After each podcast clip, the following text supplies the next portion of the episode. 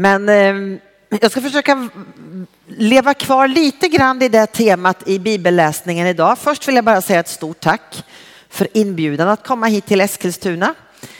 Senast jag var här var när det var missionskonferens i våras tror jag.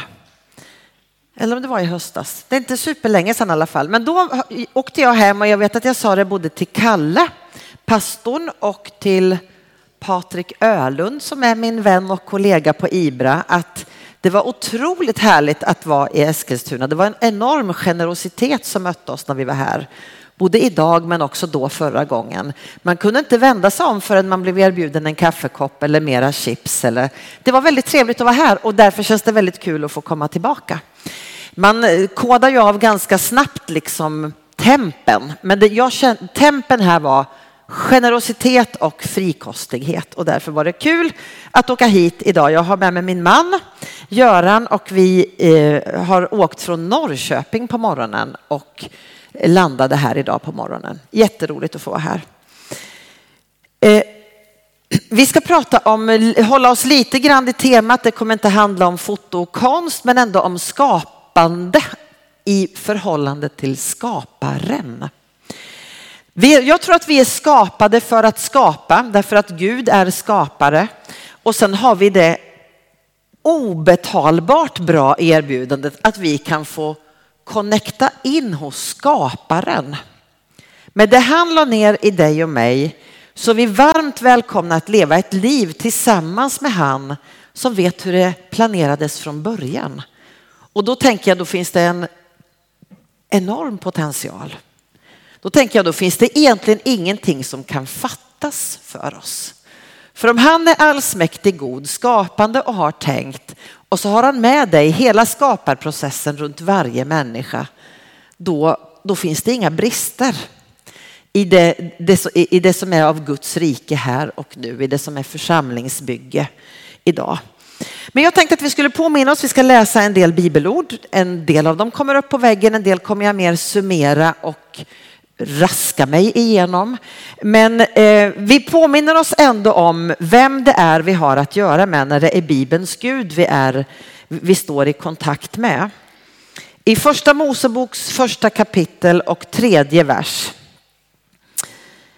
Då står det Gud sa ljus bli till och ljuset blev till. Det fanns ingenting, det var någon slags kaos. Men när Gud sa sitt ord, då skapades någonting som inte fanns innan. I Johannes första kapitel så uttrycker han det att allt blev till genom honom och utan honom blev ingenting till av allt som finns till. Vi är helt beroende av skaparen. Men han har sagt sitt ord, han har skapat, det blev ljus, det blev mörker, det blev stjärnevärldar, det blev natt, det blev dag, det blev hav, det blev land, det blev djur. Och så skapade han till slut människan. Och då i första Moseboks första kapitel, om vi går fram till den 26 versen, så resonerar Gud så här. Vi ska göra människor som är vår avbild lika oss. De ska härska över havets fiskar, himlens fåglar, boskapen, alla vilda djur och alla kräldjur som finns på jorden. Gud skapade människan till sin avbild, till Guds avbild skapade han henne. Som man och kvinna skapade han dem. Det är den treenige guden som för ett samtal internt och så säger han vi gör människor som påminner om det gudomliga. Det, det finns alltså någonting som bär spår av Gud i varje människa. Varje människa bekänner ju inte Gud. Det är inte alla som har en hög bekännelse och förklarar sig som troende på Gud, men i varje människa så la Gud ner något av honom. Det finns som ett litet märke i oss alla. Antingen vi bekänner Gud eller inte så säger Bibeln att så är det. I Predikarens tredje kapitel så förklaras det så här. Predikaren 3, vers 10.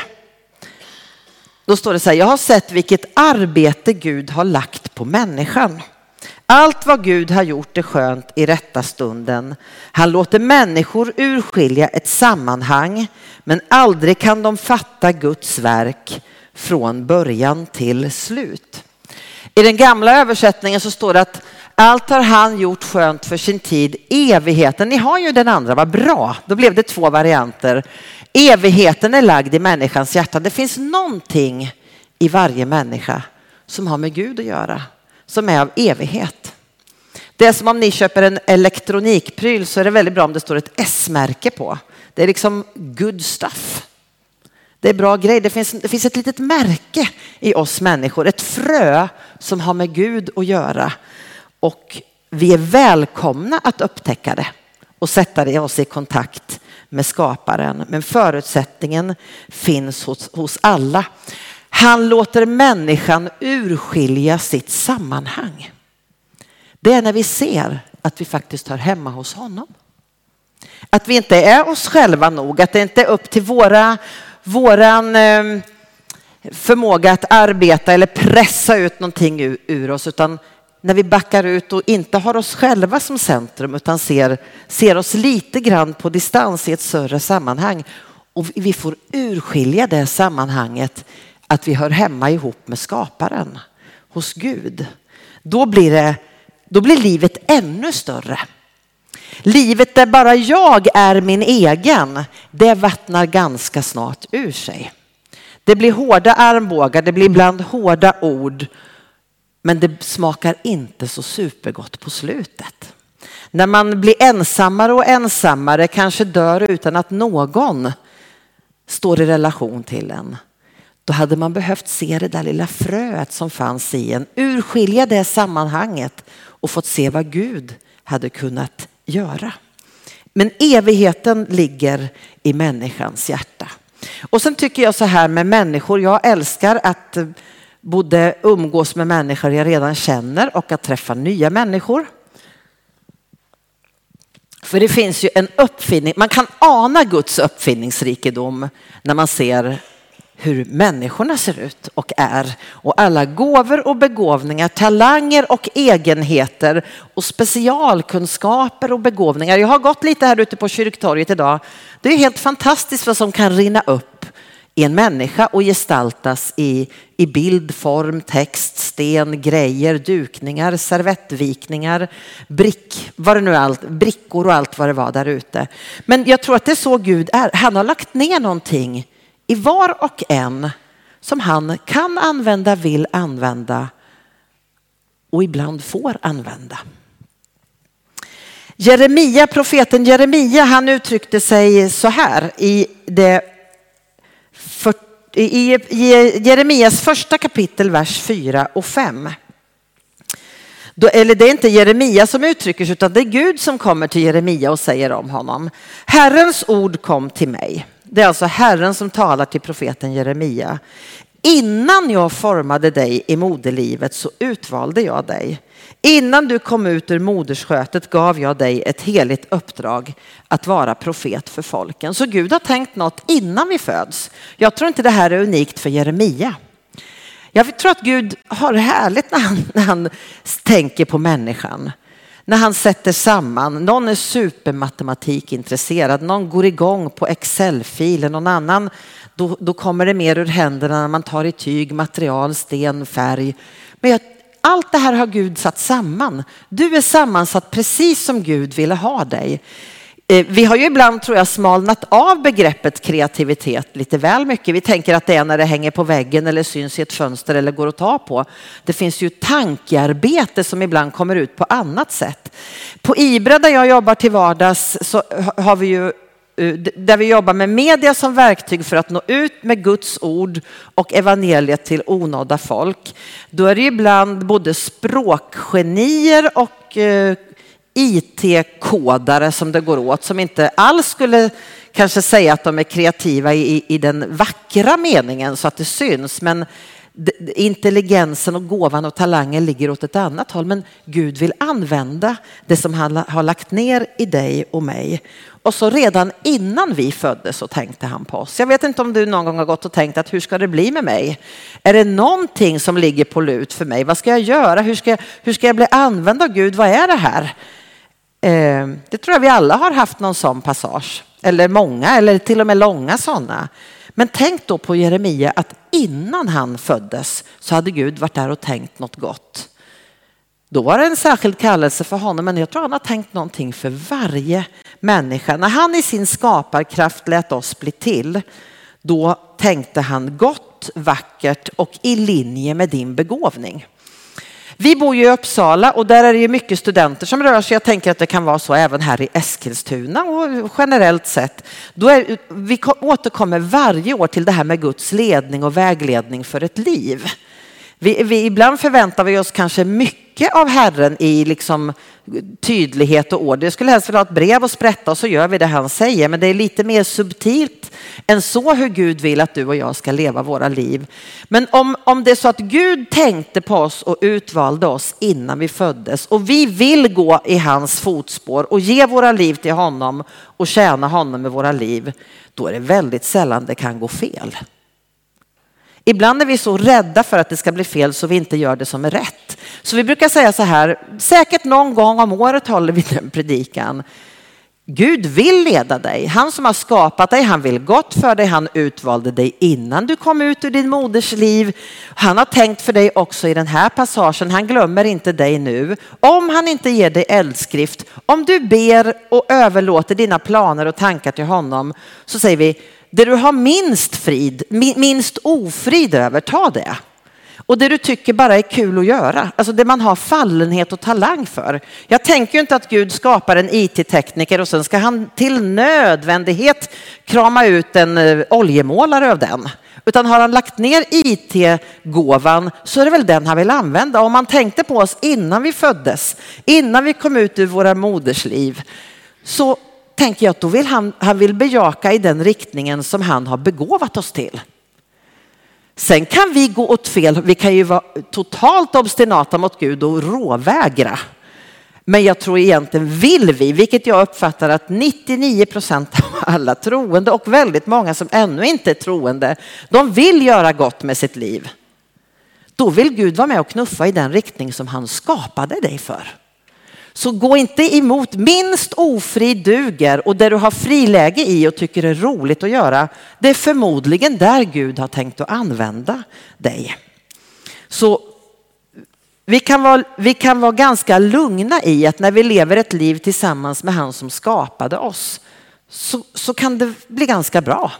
Sen kan det vara kämpiga passager. Ibland behöver Gud kalibrera oss och pröva oss och liksom ta fram något extra för en extra tid. Men jag tror inte att han i grunden har tänkt att liksom skruva om. Först tänker han och sen föds vi och sen ska han göra om alltihopa. När vi lever i linje med Guds skapartanke, de som du och jag är. Men det är när vi lever livet tillsammans med skaparen som det blir den där fullständiga tavlan. Det finns ju mycket begåvning som har använts till mycket dåligt i världshistorien.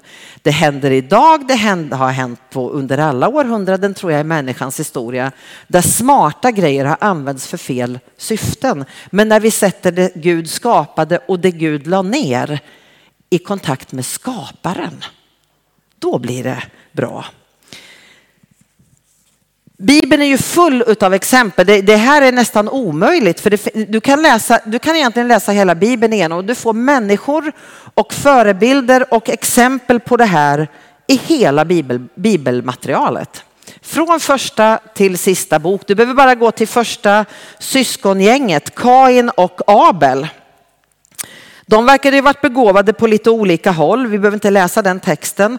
Men, men de, en, en, det, var, det var ju två pojkar två bröder. En blev jägare, en blev bonde. Förmodligen för att de var begåvade åt lite olika håll. Han som var jägare, han ville lägga allt det han hade jagat ihop och offrade allt och sa till Gud, jag kan ingenting om det inte är för dig. Och sen så gav han det bästa av djuret och sen så blev det till ett offer som behagade Gud. Han, han ville leva sitt liv tillsammans med skaparen och det han hade åstadkommit, det ville han ge tillbaka till skaparen. Däremot hans bror bonden, han, hade, han kämpade med helt andra frågor. Han, han, hur, hur, blir det med brorsan? Hur blir det med mig? Och så fylldes han av sån avund så han gick och tog livet av sin bror. Det var olika begåvning, båda var igång, men det handlar om att ge det tillbaka till skaparen. Det är där livet kan blomma. Sen har vi ju hela bibelhistorien full av människor. Noa han fick ett 120-årsprojekt på halsen att bygga en båt. Det var på torra land och förmodat hade han inte särskilt mycket med sjöfart att göra. Så han fick nog gräva lite djupare. Efter, det kanske inte var någon uppenbar båtbyggare han var innan han fick uppdraget. Men när han fick uppdraget så såg Gud till att det blev båtbyggare av honom. Så det är både fallenhet men också att våga gå. Om Gud säger bygg, då bygger vi. Och så, blir det, så är han med och så blir det ganska bra. Eh, så att jag tror att det är ett samspel mellan det nedlagda och det som vi av villighet är villiga att göra för Gud.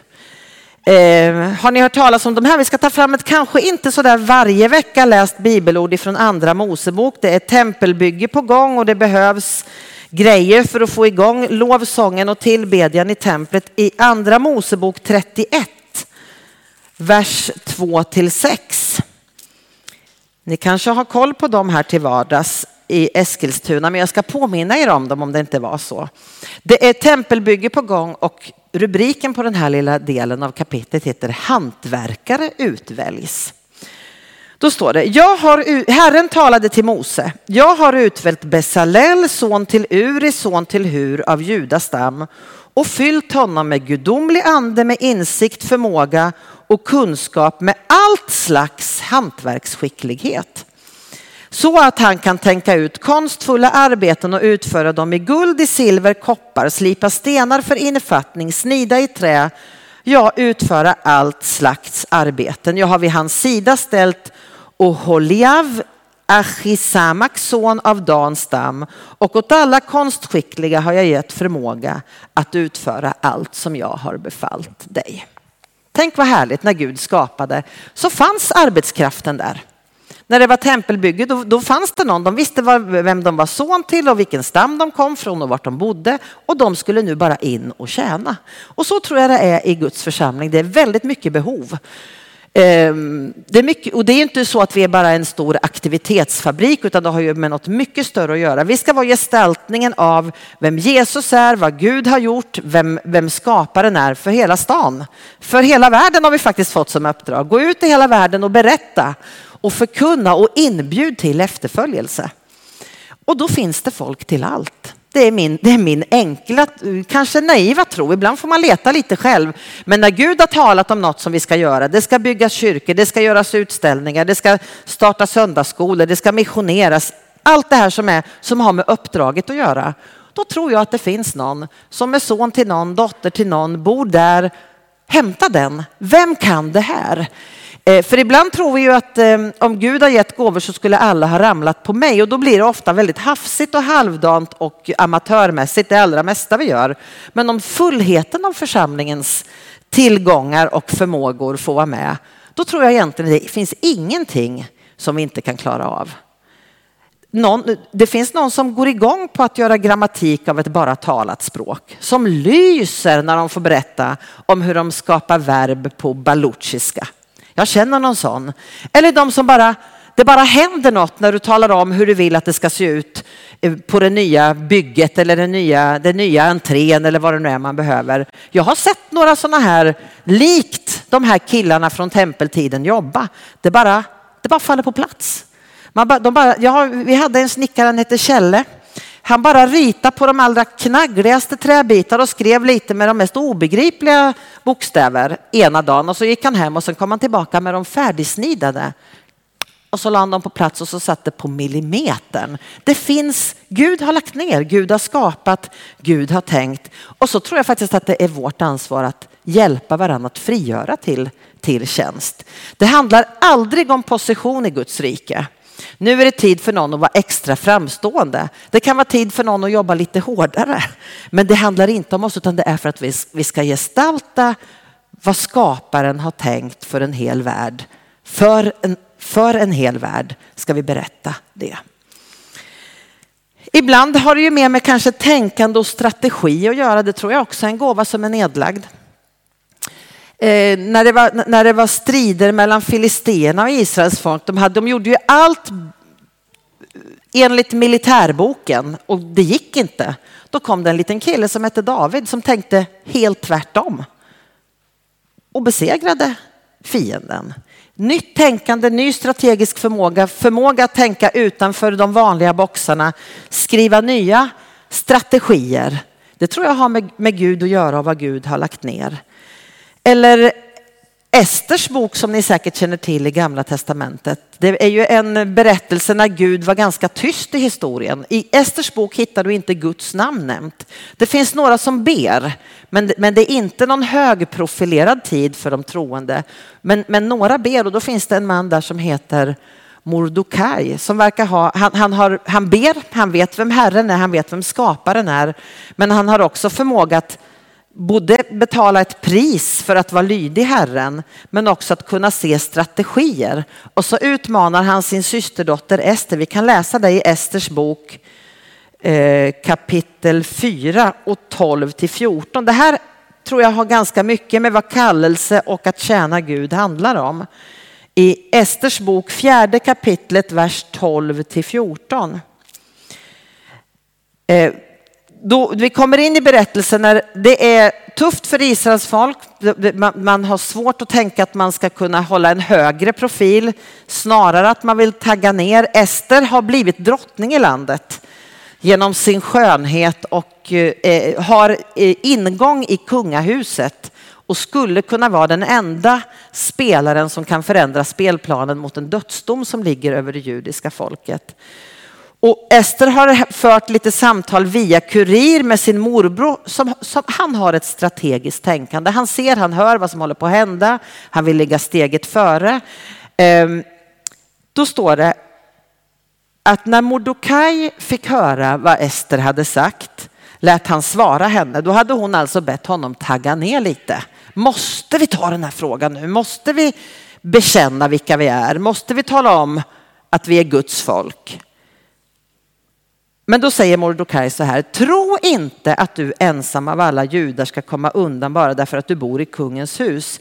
Tiger du i detta ögonblick kommer befrielse och räddning från judarna från något annat håll.